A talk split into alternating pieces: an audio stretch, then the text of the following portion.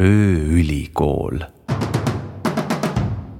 mulle tundub, et üks selliseid äh, põhjusi, miks me räägime ilust erinevalt, ongi see, et meile õpetati siis, et ilus on hooldatud, korrastatud ja sünnis.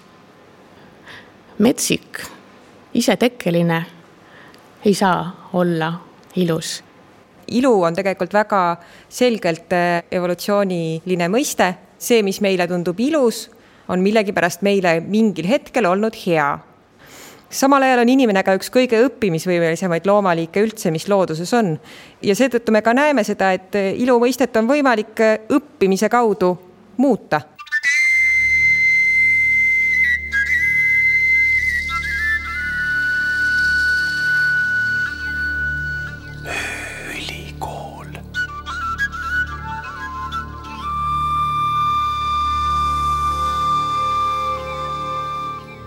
ööülikoolil on külas loomaökoloog Tuul Sepp ja arhitekt ning Tartu abilinnapea Elo Kiivet. vestlus pealkirjaga Eluaed on metsikut ilus on salvestatud kahe tuhande kahekümne kolmanda aasta mais Tartus loodusfestivalil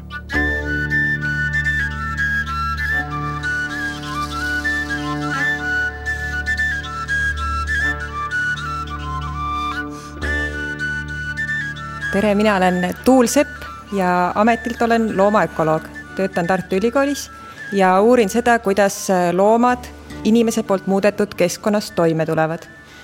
lisaks sellele, et ma Tartu Ülikoolis teadustööd teen, olen ma väga huvitatud ka sellest, et proovida neid teadustöö tulemusi tuua pärisellu üle ja mõned aastad tagasi ma naasin Ameerika Ühendriikidest, kus ma olin järeldoktorantuuris ja hakkasin rohkem mõtlema sellele, et kuidas me saaksime linnaloodust parandada, miks meil on vaja linnaloodust parandada ja kuidas seda praktiliselt ka teha. ja koostöös Tartu linnaga me kirjutasime ühe suure looduse taastamise projekti just Tartu linna loodust äh, silmas pidades. nii et eelmise aasta lõpust alates ma olen siis otsapidi ka seotud ühe sellise vähem teadusliku ja rohkem rakendusliku linnalooduse taastamise projektiga. aga põhikohaga uurin ma endiselt mereloomi, kajakaid ja lestasid ja vaatan, kuidas nad reostunud ja inimese poolt muudetud kliimamuutuste tuultes toime tulevad tervist, mina olen Elo Kiivet, minu taust on arhitektuur ja linnaplaneerimine.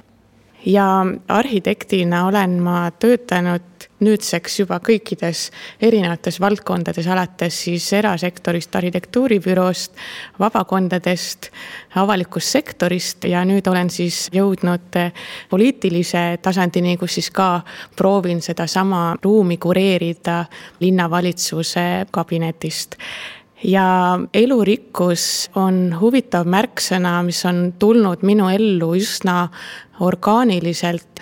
et mulle meeldib seda sõna kasutada selle kõige laiemas mõistes. et hea ruum on elurikas ruum ja see tähendab siis elurikas kõikidel tasanditel, kõikidele liikidele, alates inimloomast siis kuni kõige väiksemate mullas toimetavate organismideni kui meil korraldajad äh, siin omavahel rolle jaotasid, siis äh, minu rolliks oli äh, vastata küsimusele, miks ja Elo rolliks, kuidas. ja sellepärast ma alustaksingi kõigepealt sellele miks küsimusele vastamisega. minu jaoks põhjused, mikspärast me peaksime muretsema elurikkuse pärast linnas, elurikkuse pärast aias, aga ka põllul, meres, metsas. kõigepealt me ilmselt oleme kõik kuulnud juba kliimakriisist, aga samal ajal on toimumas ka teine ja sugugi mitte vähem katastroofiline kriis, nimelt seesama elurikkuse kadu, elurikkuse kriis. looduslikke liike jääb kogu aeg vähemaks, nende arvukus kahaneb, nende geneetiline mitmekesisus väheneb. asjalood on päris kehvad, näiteks kui võrrelda imetajate biomassi maakera peal, siis praeguseks on kuuskümmend protsenti imetajate biomassist inimesed. siis lisame sinna juurde kolmkümmend kuus protsenti on koduloomad, veised sead, hobused ja siis jääb järele neli protsenti, mis on siis kõik metsikud imetajad. ninasarvikud, kaelkirjakud, elevandid, hiired ja nii edasi. üheksakümmend protsenti maailma lindude biomassist on kanad. ja kõik need metsas lendavad linnud ja, ja põldudel elavad ja merelinnud on väga väike osa lindude biomassist. paljud meist on tegelikult juba näinud maailma, mis oli palju elurikkam kui see, mida me praegu näeme näiteks kui te mäletate, võib-olla paarkümmend aastat tagasi autoga sõites olid autode tuuleklaasid olid putukaid täis. enam ei ole. väga lihtne indikaator, mis näitab, et putukate liigirikkuse ja putukate arvukusega on äh, lood väga kehvasti ja kui ma käisin mõned äh, kuud tagasi maastikuökoloogia professori Aveliina Helmi inauguratsiooniloengul, siis tema sõnastas minu jaoks väga hästi põhimõtte, millest me peaksime kõikides tegevustes nüüd juba lähtuma. ja see oli see, et meil ei ole enam tegelikult üldse ruumi elupaiku, kus looduslikud liigid elavad, rohkem kahjustada. järelikult kõik tegevused, mida me praegu ette võtame, peavad parandama praegust seisu. see tähendab seda, et kohad, kus kohas elurikkusega on hästi, näiteks ürgmetsad või heas seisus järved, ojad, neid me ei tohi mitte kuidagi kahjustada, me ei saa seda enam endale lubada. aga kuskil me peame tegutsema ka, kuskil peab inimene ka saama olla ja selleks me peame valima need kohad, kus praegu juba on halvasti Neid kohti jagub, neid kohti on väga palju. Ja sellistes kohtades peaksime tegutsema niimoodi, et lisaks sellele, et inimene saab sealt midagi, paraneb meie tegevuse käigus ka looduse seisund. Ja see on täiesti võimalik. Näiteks on ju võimalik ehitada tuulikuid kuskile vanadele turbaaladele või taastada mingisuguseid äh, vanu kaevanduse alasid, ehitada sinna näiteks äh, seikluspargi ja luua samal ajal natuke paremad võimalused äh, ka looduslikele liikidele. kui sellisest põhimõttest lähtuda, et enam ei tohi lubada üldse loodusliku keskkonna kaotamist või halvendamist, siis tegelikult päris paljud küsimused muutuvad äh, palju lihtsamaks, päris paljud valikud ja otsused saavad langetatud, ilma et peakski väga palju nende üle arutlema. esimene põhjus siis, miks, on siis see elurikkuse kriis. ja teine põhjus, miks, on see, et äh, me selgelt näeme, et see, kuidas me praeguseni oleme tegutsenud, tegelikult ei tööta. maailmal ei lähe hästi, kliima soojeneb, meil on praegu mai keskpaik, aga juba on õues nii palav, et kuskilt linnas varju ei leia kui mõtelda sellele metsikule aiale, siis see võib olla piibellik termin, aga mina mõtlen rohkem sellele savannile või puisniidule, kustkohast Aafrikast inimese esivanemad pärit on. me vajame tegelikult hoopis teistsugust keskkonda kui see, mida linn meile praegu pakub. ja see, et linnakeskkond praegusena ei tööta, see tuleb järjest enam ilmsiks kliimamuutuste kontekstis, üleujutused suurenevad, järjest rohkem on liigset palavust, mida põhjustab see asfaldiga kaetud pind. pinnas on reostunud sellised ökoloogilised protsessid, ei toimi, mis võiksid tegelikult kõiki seda halba leevendada. ja kolmas põhjus ongi see, et tegelikult looduse taastamise kaudu on väga paljusid probleeme võimalik odavamalt lahendada kui lihtsalt kuidagi tehnoloogia kaudu, näiteks palju lihtsam on püsti panna üks puudesalu, et õhureostust eemaldada, kui see, et panna püsti üks õhupuhastusjaam. Et loodus selline hea lollikindel miljonite, miljardite aastate jooksul välja töötatud süsteem, mis tegelikult kõiki keskkonnaprobleeme leevendab kui me lihtsalt looduse hea seisundi taastame, siis väga paljud jamad, mille all inimkond praegu kannatab, lisaks elurikkuse kriisile vähehaaval hakkavad leevenduma. kui me räägime linnaruumist, siis see on tegelikult keskkond, kus inimene on olnud väga vähe aega. tõesti vähe aega, kui me räägime maakera ajaloost, kui me räägime inimese ajaloost ja sellisest suurest linnastumise alguspunktiks võib pidada siis üheksateistkümnenda sajandi keskpaika, kus see tõus oli plahvatuslik ja sellest ajast saati tegelikult me oleme kogu aeg pidevalt õppinud ja enamasti paraku läbi iseenda vigade ja linnu on ehitatud äh, alguses pigem orgaanilisemalt ja nüüd järjest rohkem linnu planeerides. ja seetõttu me oleme täna võib-olla sellises seisus, kus äh, me ütleme, et meil on maal kahte sorti keskkonda, on linn ja on loodus. mulle tundub, et see piiri vedamine ei aita meid ja see piiri vedamine on ka natukene ebamõistlik ja on selliseid skeptilisemaid mõtlejaid, kes ütlevad, et kuna me oleme täna juba jõudnud antropotseeni ajastusse ehk ajastusse, mida mõjutab inimtegevus kõikides valdkondades siis kas meil üldse enam on päris loodust? kas meil on sellist ausat metsikut loodust? ja isegi metsik loodus vajab meil täna väga tõsist planeerimist. planeerimine toimub siis erinevatel tasanditel ja algab siis üleriigilisest planeeringust, mis siis ütleb ära, kus on lubatud inimese tegevus ja kus on siis rohevõrgustik ehk siis me saame seda metsikut loodust, põlisloodust või kuidas me soovime seda nimetada, ainult tänu sellisele väga tugevale inimsekkumisele ja kokkulepetele, et jah, me hoiame seda. ja üks selliseid huvitavaid vastuolusid, kuhu me oleme oma linna arengutes jõudnud, on see, et äh, linnad võtavad väga palju ruumi. linnade ja asulate jalajälg on väga suur ja see kasvab tohutus kiiruses. ja see kõik on seda enam murettekitav, et see kasv on raiskav. et tänased linnad arenevad sellisel põhimõttel, mis ei soosi seda looduse hoidmist, sellepärast et esiteks kui me räägime ainult Eestist, on inimestes väga levinud unistused oma majast. kõik tahaksid elada oma majas, siis et neil oleks aed, et nad oleks justkui lähemal loodusele, et neil oleks oma loodus kohe ukse taga võtta. aga see on paraku ruumikasutus, mis on kõige loodusvaenulikum üldse, sest see tähendaks, et meil ei jääkski mitte mingit muud ruumi kui ainult elamualad, kui me kõik seda hakkaksime tegema ja see paradoks tähendabki seda, et justkui meil oleks selline unistus liikuda looduslähedasema elu suunas läbi selle oma maja ja oma aia. ja sellega me tegelikult teeme kahju just nimelt sellele loodusele, elurikkusele, millelt me võtame ära ruumi, sest ruum on piiratud ressurss me võime küll jah, ehitada teda korruseti, aga tal on mingid parameetrid ees. ja seetõttu see paradoks väljendubki selles, et äh, linna planeerimise vaatest on kõige loodussõbralikumad linnad tihedad linnad, kus ei ole eramaju. ja on maid, kus ongi mindud selleni, et linna piirides ei ole lubatud uute eramajade rajamine, ainult kortermajad, et me saaksime selle tiheduse ja see on üks äh, paradoks inimese tungil looduse suunas ja inimese tungil elada linnas.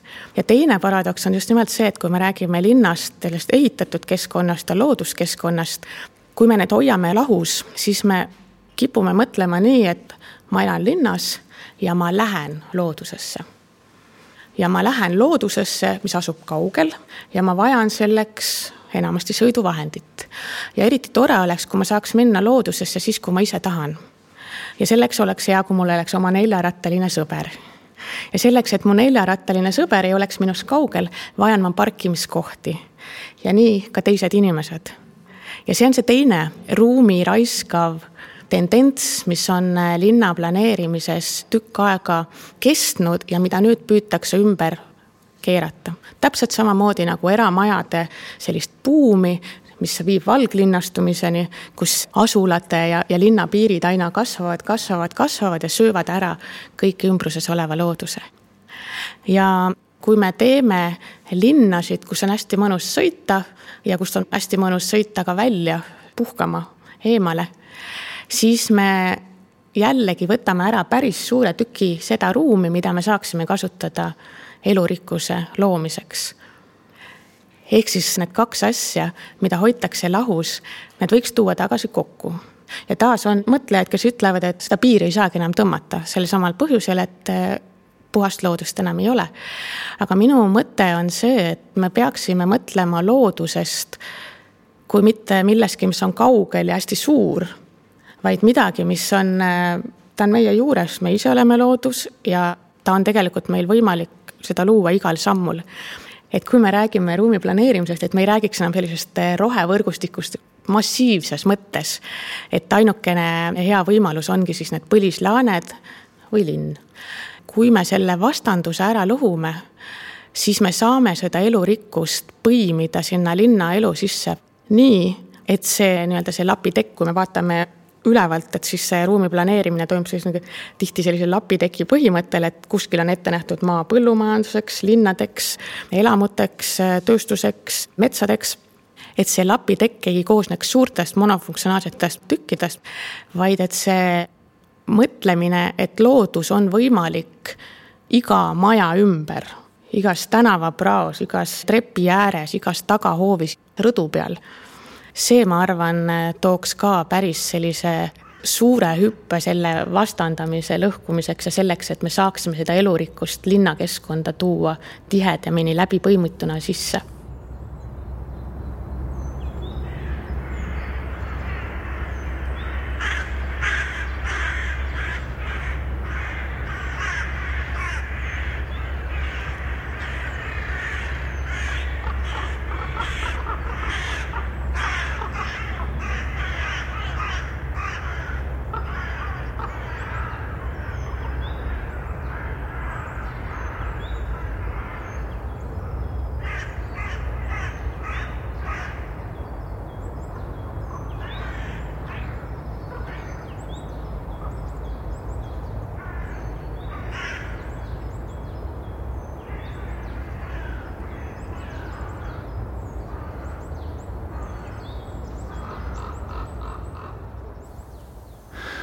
jätkavad Tuul Sepp ja Elo Kiivet.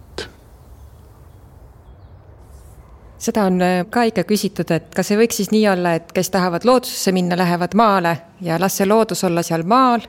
linn on inimese koht, inimese keskkond ja siin ei olegi loodust tegelikult vaja.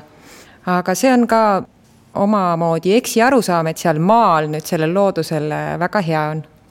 kui ma sõidan äh, mööda Eestit ringi, siis ma tegelikult või isegi kui ma sõidan lennukiga Eesti kohal, siis ma näen, et tegelikult kui palju seda maastikku on muudetud. Ja Eestis on veel metsa päris palju, kui sõita Lääne-Euroopa kohal, siis ongi kõik ainult äh, inimese tehtud, sirged jooned, põllud, teed, majad.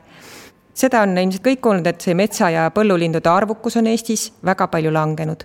tegelikult äh, Eestis oli ju kunagi palju rohkem põldusid, kui me vaatame eelmise Eesti Vabariigi aegseid kaarte siis me näeme, et äh, metsa oli oluliselt vähem, põldusid oli oluliselt rohkem, aga loodusel käis käsi paremini. kas see on natukene vastuoluline? mingil määral on, aga põhjus on selles, et need metsad, mis tol ajal olid, olid tõepoolest ürgmetsad, vanad, mitte istutatud.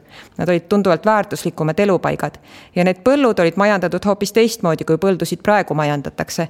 Nad pigem koosnesid väikestest lapikestest, nende peal said äh, tegutseda erinevad põllutaimed, putukad, kes kahjuritõrjet tegid äh, pestitsiidide asemel ja samuti põllulindudel oli seal oma koht ja võimalus tegutseda kui me praegu mööda Eestit sõidame, siis ma kogu aeg näen seda kaotatud loodust, aga küsimus on see, et kui me nüüd anname loodusele tagasi, siis äh, kas inimene peab äh, väga paljust loobuma, kas meie elu peab väga palju halvemaks minema?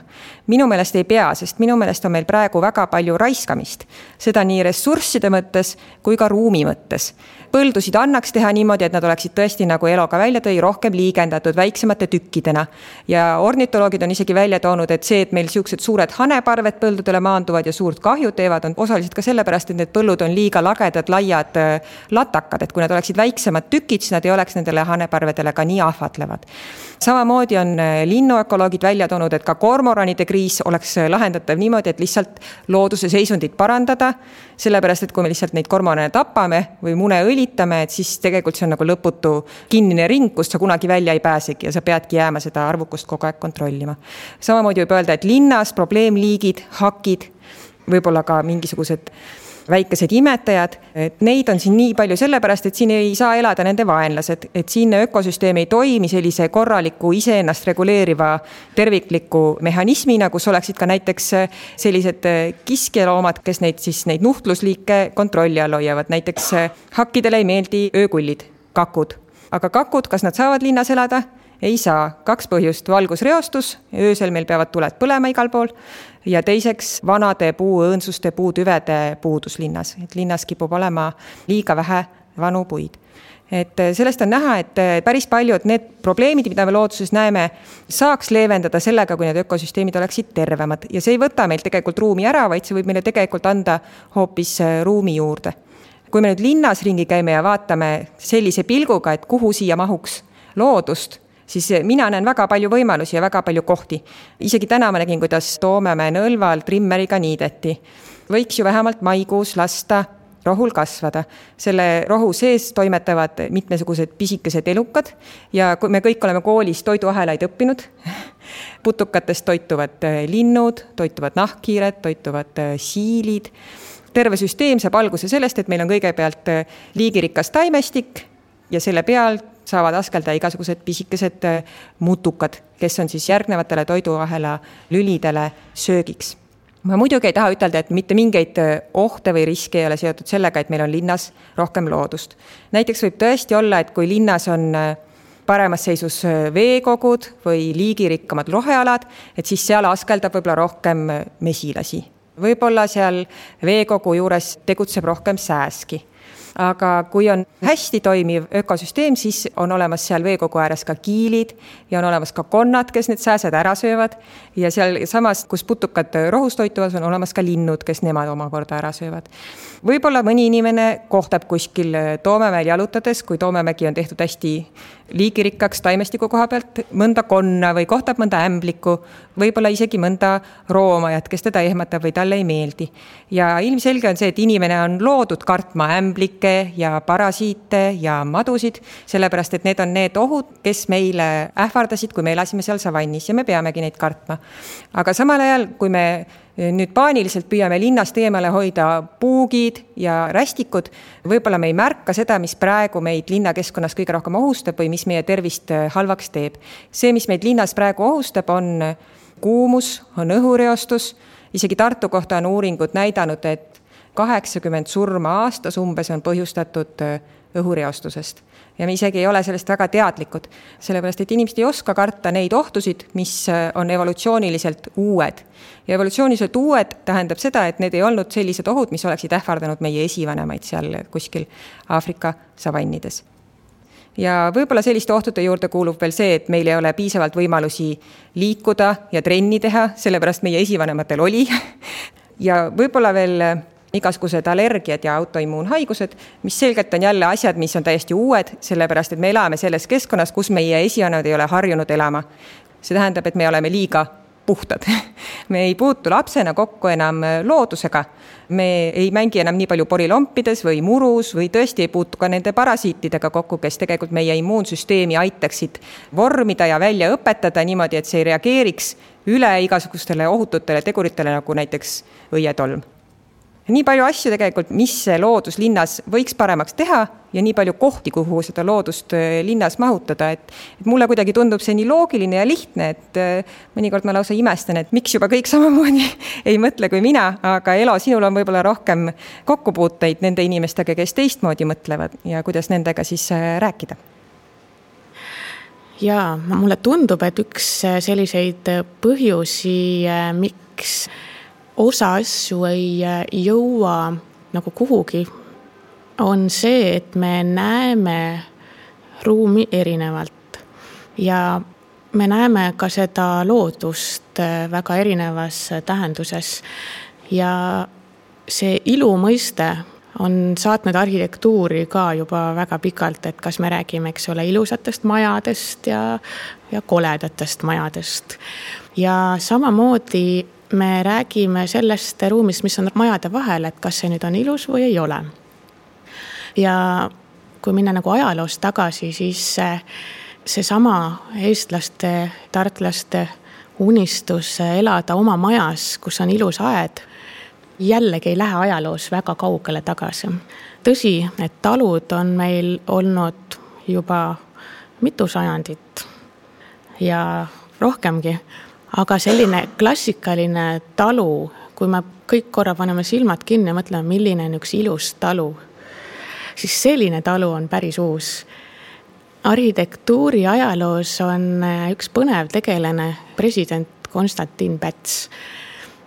tema avastas, et äh, eestlased on vapper rahvas ja väärib oma riiki, kuid neid tuleb siiski õpetada, milline üks õige riik välja näeb ja ma ei tea pärast teda ühtegi presidenti Eestis, kes oleks sekkunud isiklikult ehituslubade väljaandmisesse. Tallinna linna lõi ta niimoodi, et kui otsustati ära, mis on siis peamised liikumissuunad, mis ühendavad olulisi punkte, näiteks südalinna ja presidendi lossi, siis neid ehituslubasid viseeris president isiklikult ja ta ei piirdunud ainult linnaga. samuti oli vaja õpetada inimestele, kuidas õigesti elada maal. see oli aeg, kus tekkisid asunikutalud. Vabadussõjas võitlejad said maad ja paljud eestlased avastasid järsku, et nad on talunikud ilma selleks mingisugust sellist äh, perekondlikku või ajaloolist tausta omamata. ja selleks jälle loodi õpikuid loodi tüüpprojekte, et milline on õige talumaja, õpetati värvima seinu, kasutama kardinaid, laualinasid, välikemmerguid. ja algas kodu kaunistamise kampaania. tegelikult see, mida me praegu ka, on meil kaunis kodu kampaania, mille selline nägu on president, see saigi sellel ajal alguse.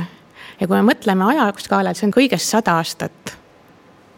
ehk siis see klassikaline praeguses mõistes taluõu, kus on ilus niidetud muru ja siis selline kunstipärased lilleklumbid ja põõsad õiges rivis ja viljapuud. see tekkis ka sellel ajal, kui hakati rääkima, et võiks luua talu kõrvale iluaia. ja mulle tundub, et üks selliseid põhjusi, miks me räägime ilust erinevalt, ongi see, et meile õpetati siis, et ilus on hooldatud korrastatud ja sünnis. metsik, isetekkeline, ei saa olla ilus. ja seda on näha ka täna, kui vaadata linnaruumis ringi. korralik linnapark on ikka hästi põetud muruga, kus kasvavad puud, mis võiksid olla põetud, kust on eemaldatud põõsad. et oli hetk, kus oli linnapargis põõsaid mis on siis ka koduks paljudele liikidele. ja siis otsustati, et need siiski vähendavad inimeste turvalisust, need peaks kõik eemaldama. ehk siis meid on õpetatud, et korras maniküüritud ruum ongi ilus. ja miks seda elurikkust, mida ei ole tõesti väga keeruline siia linna juurde tuua. miks seda on ometigi raske teha, on just nimelt see, et põrkuvad selline ilumeel ja siis noh, ütleme siis selline praktiline meel, sest tegelikult elurikkuse suurendamine ei ole selline emotsionaalne mõtteuid, vaid see on väga praktiline, see on väga vajalik tegevus. ja mida see linnaruumis tähendab, on see, et äh, alates näiteks äh, uutest projektidest, äh, mis meil on Tartu linnas võtta, on Eesti Rahva Muuseum ja Roosi tänav, mis viib Eesti Rahva Muuseumini ja mina julgeks öelda, et Roosi tänav on üks esimesi selliseid elurikkust eesmärgiks seadvaid tänavaid Eesti Vabariigis. selline julge väide. sinna loodi lapikesed, tükikesed ja selline jätkuv äh, ruum, mille eesmärk oli just nimelt elurikkus, mitte see klassikaline ilus pügatud muru. ja alguses saime me päris palju kaebusi, et äh, kas teil on muruniidukid katki ja kui teil ei jätku raha trimmerdamiseks, mul on trimmer, ma trimmerdan ise, kui te ei saa hakkama. ja jõudis ka selleni välja, et mõni isegi ei pakkunud abi, vaid lihtsalt läks ja trimmerdas selle hoolika elurikkuse sealt tänava äärest maha, sest tema lõi ilu. ta tõi linnaruumi, linnatänavale korrastatust. ja see dialoog jätkub ja nagu ma enne ütlesin, et kui selline eramaja oma aiaga võib tunduda, et see on looduslähedane eluviis, siis see tihti tegelikult praktikas ei ole seda. et kui on äh, eramaja, millel on lihtsalt muru, kus seikleb see väike niidurobot ja võib-olla paar elupuud, siis see ei ole elurikkus, see ei ole loodus. aga see on see ilu, mida inimene tahab omale kõrvale luua ja seejuures ta tunneb, et ta tegelikult loob loodust. võib-olla üks kurioossemaid selliseid vaidlusi, mida ma olen kogenud, oligi ühe kodanikuga, kellel oli imeilus aed. ta oli tuntud oma aia poolest, seal oli palju liike, seal olid hooldkad sätitud peenrad ja seal oli näha tõesti armastavat aedniku kätt. aga teda segas suur tammepuu, mis kasvas tänavamaal sest see heitis sellele imeilusale aiale varju. ja ta tegi ettepaneku, et äkki võiks selle tänavapuu, selles heas tervises tänavapuu võtta maha, sest mis ta seal tänaval ikka on ja ta segab tema aeda ehk siis miks seda mõnesid lahendusi on raskem ellu viia, et üks põhjus on selline ilumõiste muutumine, mis kulgeb aeglaselt, aga see muutub ja võib-olla teine põhjus on hoopis asisem, mis on linna planeerimises äh, faktor, mis mõjutab äh, seda, kuidas me saame ruumi planeerida ja kuidas me saame seal muudatusi ellu viia, on eraomand versus avalik omand. ja see on asi, millest ei saa vaadata mööda selles mõttes, et äh, Eestis on väga palju maad erakätes. see oli meie toonane valik, mis tähendab seda, et omavalitsusel on seda maa-ala, kus ta saaks nagu täiesti vabalt oma tahte järgi tegutseda, et tal on seda päris vähe. mis tähendab seda, et me peame otsima kokkulepet eraomanikega ja näiteks äh, selles valdkonnas muutub see vaidlus enam mitte selliseks filosoofiliseks ilumõiste ümber, vaid hästi praktiliseks finantsiliseks küsimuseks ja kõige klassikalisem näite minu jaoks, kui me räägime ruumi raiskamisest, on just nimelt need autoparklad. see on tavaliselt asfaldi all olev ruum väga suure pindalaga, mis teenindab tegelikult väga väheseid liike peaaegu ühte loomaliiki ainult. ja need on ka linnal väga huvitavad vaidlused omanikega, kes tahavad teha mingit arendust, näiteks kaubanduskeskust. ja sinna juurde tehakse parkla ja linna ettepanek on, et teeme sinna ka puid ja põõsaid ja selle teekonna inimestele mõnusaks, siis taandub selleni, et kas see on õiglane panna selline kohustus omanikule, sest linnapuu ei ole päris tavaline metsapuu, et linnapuu istutamine on eh, keerukam protsess ja see nõuabki tõesti rohkem raha, et üks korralik linnapuu istutamine all on neljakohaline summa. ja kui on suur parkla, siis neid puid on sinna väga palju ja see arvutatakse kokku ja öeldakse, et see ei ole aus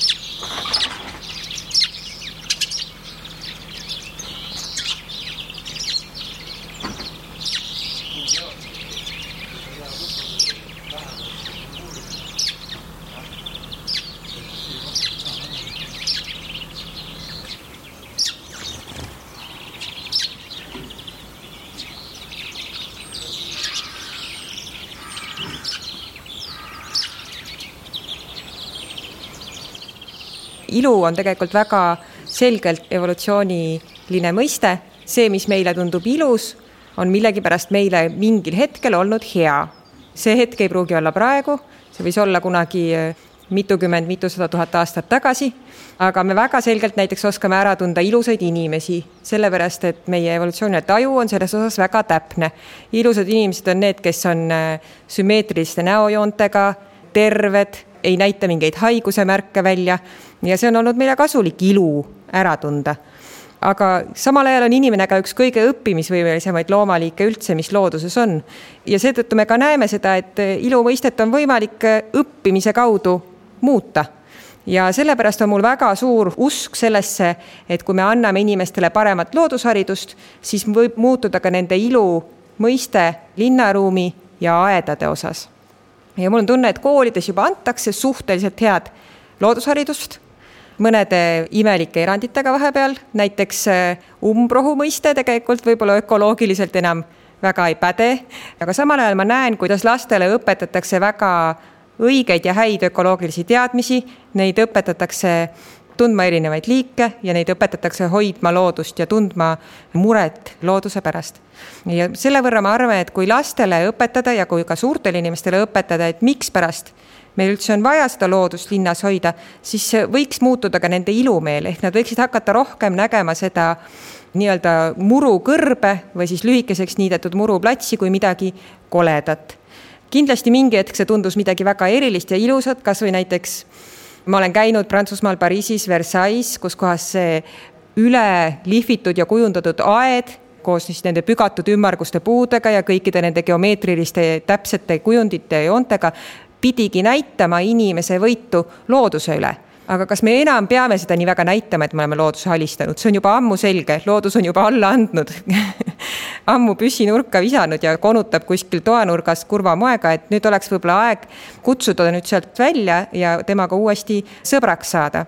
meil ei ole enam vajadust siis selle ruumi kujundamise kaudu oma ülimuslikkust näidata ja võib-olla üks teine aspekt, mis mulle elujutust kõrvu jäi, ongi see, et kas, kas inimesele on vaja seda oma eraaeda ja see on tegelikult minu meelest väga-väga huvitav teema. me kõik ju tunneme tegelikult äh, väga suurt rõõmu ja uhkust oma maa ja oma ruumi üle ja me tahame, et meil oleks see oma koht. aga mõnevõrra võib-olla bioloogiliselt see ei ole asi, mis meid päriselt õnnelikuks teeb, see üksi ja omaette olemine. inimene ei ole selline loom, kes on loodud olema üksi. Inimene on pärit grupieluviisiga loomast nii nagu praegu näiteks elavad šimpansid džunglites ikkagi gruppides ja rühmades ja, ja tegutsevad äh, kõik koos. ka inimene on olnud selline koos tegutseja liik ja kui inimene jääb väga üksi, siis ta tegelikult on õnnetu ja kurb ja ma olen ka päris palju mõtelnud selle peale, et kuidas ja miks meil looduskaitse Eestis enam ei toimi. ja üheks põhjuseks ma arvan, et on see, et, et looduskaitse on äh, ülalt alla protsess praegu mingi Euroopa Liidu direktiiv või, või looduskaitseseadus ütleb, et siin ei tohi seda teha, siin peab loodust kaitsma ja inimesed ei ole sellega seotud, nad ei tunne sellega mingisugust kontakti selle looduskaitsega. aga kui looduskaitse oleks alt üles protsess, kus kohas seda viiksid läbi kogukonnad, grupid, võiks see palju paremini töötada, sellepärast et see oleks üks grupp hoiaks mingisugust ruumi, täpselt nii, nagu meie esivanemad hoidsid kunagi oma maa-ala, nii nagu praegu ka šimpansid käivad ja patrullivad seal oma maa-ala piire ja valvavad seda, et nendele kuuluv territoorium oleks äh, heas seisus ja heas korras. sellepärast ma arvangi, et looduskaitse peaks üha enam muutuma kogukondade põhiseks ja, ja kogukondade kaudu või siis sellise grupi kuuluvuse kaudu saaksid inimesed ka suuremat äh, heaolu ja suuremat turvatunnet.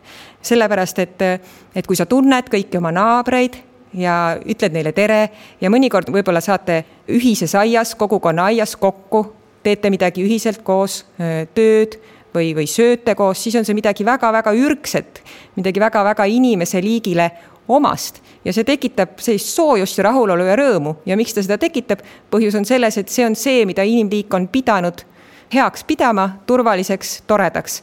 ja kuigi meil praegu ei ole vaja kogukondi võib-olla praktilises mõttes, me saame ise hakkama, samamoodi meil tegelikult peaaegu ei olegi vaja nagu sugulasi sõprusest, kõik saavad ise poes käidud, ise toidu koju toodud, ei ole vaja seda gruppi, et seda mammutit sealt äh, kuskilt äh, savannist kinni püüda.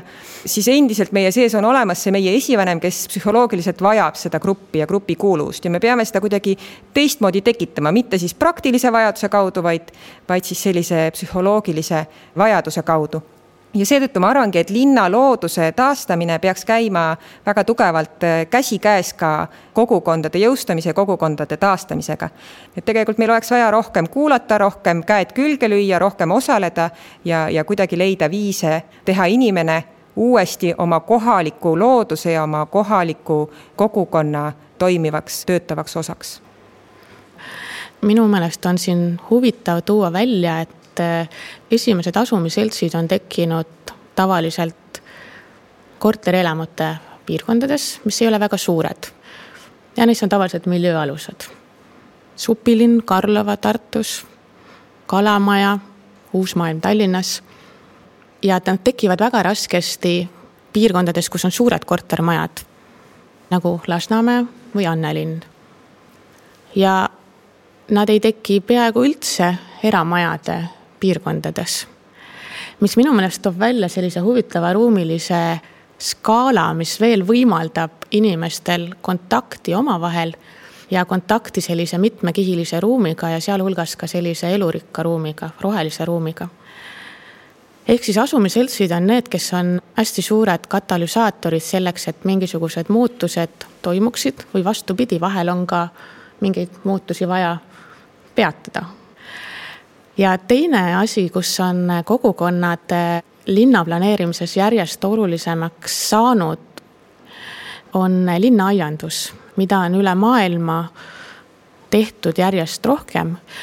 linnad on avastanud, et see on asi, mida on lihtne aidata kaasa ja see toob äh, jällegi kaasa väga palju kasu nii nendele inimestele kui ka tegelikult linnale, et kui me räägime suures skaalas, eks ole, alates rahva tervisest kuni siis turvalisuse või omanikutundena, siis äh, linnaaiandus on selline kasvav äh, tööriist ühtepidi selle elurikkuse ja looduse inimesele lähemaks toomise, selle linnaruumi toomise ja selle linnaruumi põimumise, need on väikesed tükid, mis võivad olla suurte teistsuguste alade vahel. ja suurte alades on selline huvitav legend, et paneelelamute rajoonid on siis need kivikõrbed aga tegelikult, kui seal ringi jalutada, siis mulle tundub kohati, et seal on elurikkusega palju paremini või siis mõneski sellises uuemas aedlinnas. ja selle põhjus on see, et seal suurte majade vahel on suur avalik ruum, mis kuulub justkui mitte kellelegi ja vahel tundub, et selline ruum on äh, just nimelt elurikkuse jaoks üks parimaid selliseid sünnipaiku. et ruum, kus ei ole sellist ülearu äh, manitsevat kätt või silma tunda. ja tegelikult suurte kortermajade vaheline ruum on tohutu potentsiaaliga koht, kus saab tegutseda veel eriti kiiresti, et seda elurikkuse kasvu seal soodustada selle ruumi üks võlu on see, et ta on ei kellegi maa justkui. ja tema häda on see, et ta on ei kellegi maa, et mõnes mõttes tundub, et inimesed ei võta seda kui oma koduna. ja see võib tuua noh, ruumikasutusest kaasa mingeid probleeme. kaugemalt võttes on teine selline mõnus metsik, pisike paradiis on tühermaad, varemed mis on hüljatud keskkonnad, mis on ka samuti peremeheta jäänud alad kus saab vohada see, mis siis seal kõige paremini välja tuleb. ja kui me teeme linnadele üldplaneeringut, siis meile meeldib panna kõikidele maatükkidele peale pealkiri, et see on ette nähtud selleks või teiseks tegevuseks. me seame mingisugused raamid ja ütleme, et mis on lubatud või vastupidi, mis ei ole lubatud ja siin on hästi oluline, et me jätaksime tegelikult selliseid isetekkelisi kohti, neid tühermaasid. kui me kunagi tegime linnalaboriga inimeste seas ideekorje Tallinna mere ääre kohta, et mis seal teha võiks, siis päris palju tuli soove, mille võibki võtta sellise vihmavarju mõiste alla tegevusvabadus et inimesed saavad aru, et nad tahavad, jah, seal võiks olla saun ja seal võiks olla mõni aed ja piknikukoht ja rand ja kõik need muud, need tegevused. aga samuti sinna tuleb jätta ala, millele me täna ei tea, mis asi see on ja kuidas see käima peaks ja kus õieti keegi ka ei ütle, mida seal tegema peaks või kuidas seal käituma peaks. et kui me räägime ruumi planeerimisest, et me peame seda vabadust sinna sisse planeerima seda sellisel suuremal skaalal, aga ka päris väiksemal skaalal, et eh, noh, oma sellise kodutänava ja kodumajani välja. ja viimase märksõnana, nagu sinagi, usun mina hariduse heasse mõjusse, aga ruumihariduse.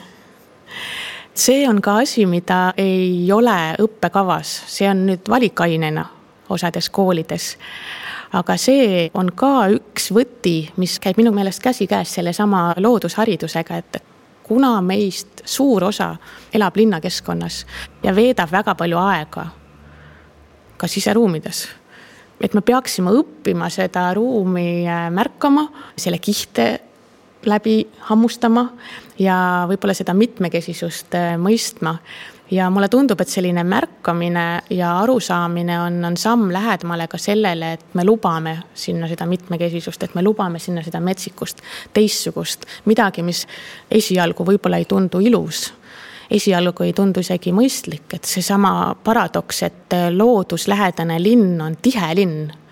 tähendab seda, et me peame linna südame ehitama täis neid maju, mida meil on vaja, et siin linnas oleks hea elada.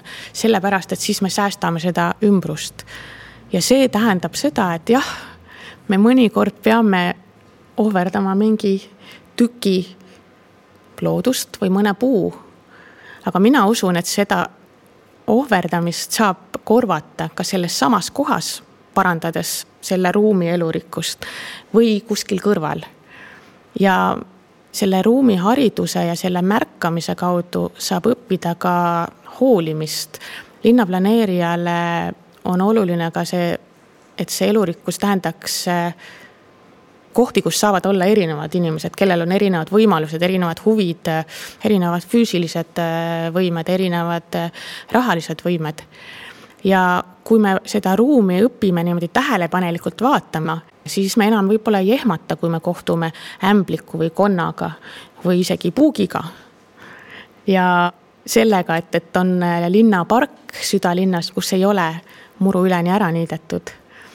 ehk siis just nimelt selline üksteise tundma õppimine ja üksteisele ruumi jätmine võiks olla see, millega saaks minna edasi selleks, et see linn muutuks ka elurikkaks ma tahaksin veel korra puutuda nende inimeste hirme, kes kardavad, et selle linnalooduse taastamise käigus läheb linn väga käest ära.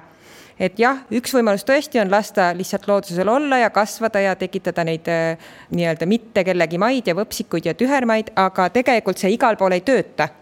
kindlasti on olemas invasiivseid võõrliike nagu kuldvits või pargitatar mis no ikkagi tuleb tegeleda, sellepärast et me näeme, milline see tühermaa seal Lõunakeskuse ringtee juures on. see on kõik lihtsalt seda kuldvitsa täis ja seal ei saa mitte miski muu kasvada, mingit elurikkust seal ei ole, kuigi seal on väga kena tühermaa. samamoodi igal pool pargialadel ei tööta see, et jätan lihtsalt niitmata, sest et seal kasvavad lihtsalt suured kiirekasvulised taimed üle ja sinna mingisugust ilusat liigirikkust ja õitsevaid taimi ja putukate toiduala, liblikate lendu ei teki erinevates piirkondades, erinevat tüüpi muldadel ja erinevates maastikes, varju ja valguse tingimustes tuleb teha erinevaid äh, tegevusi selleks, et sinna liigirikkust tuua. et äh, mõnikord on vaja natuke aidata, et see koosluse mitmekesisus ja tasakaal taastada. ja võib-olla sellepärast ongi mõnes kohas me näeme, et, et kuidas alustatakse mingi pargialal mitmekesisuse loomist, kõigepealt kooritakse see murukiht ära ja sinna külvatakse seemned ja alguses see näeb kole välja, aga oodake aasta, oodake kaks ja see kooslus tekib sinna aga eks me peame proovima ja katsetama, mis linnas töötab ja mis mitte ja minu meelest kõige olulisem on see, et peab olema lubatud ka eksida. tõeliselt elurikast linna maailmas veel loodud ei ole. me ei ole kindlasti ühed esimesed, Eesti on üsna maha jäänud, kui võrrelda paljude Lääne-Euroopa liikidega, aga me võiksime olla ühed esimesed vähemalt siin Ida-Euroopa piirkonnas.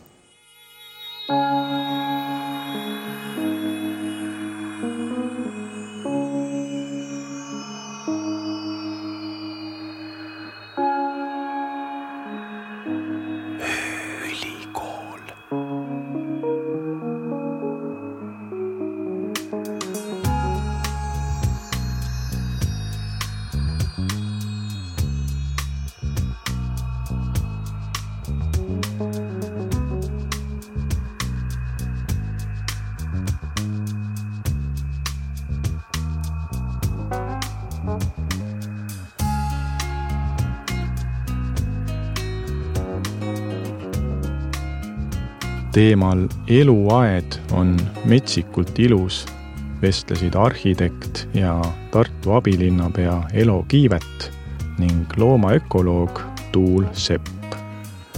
Tartu vareseid, ronkasid, varblasi ning autot pukseerivaid inimesi salvestas Veljo Runnel aastatel kaks tuhat kümme ja kaks tuhat viisteist Karlovas ja Raadi kalmistul saate valmistasid ette Jaan Tootsen ja Mart Sirnask ning helirežissöör Taisto Uuslail.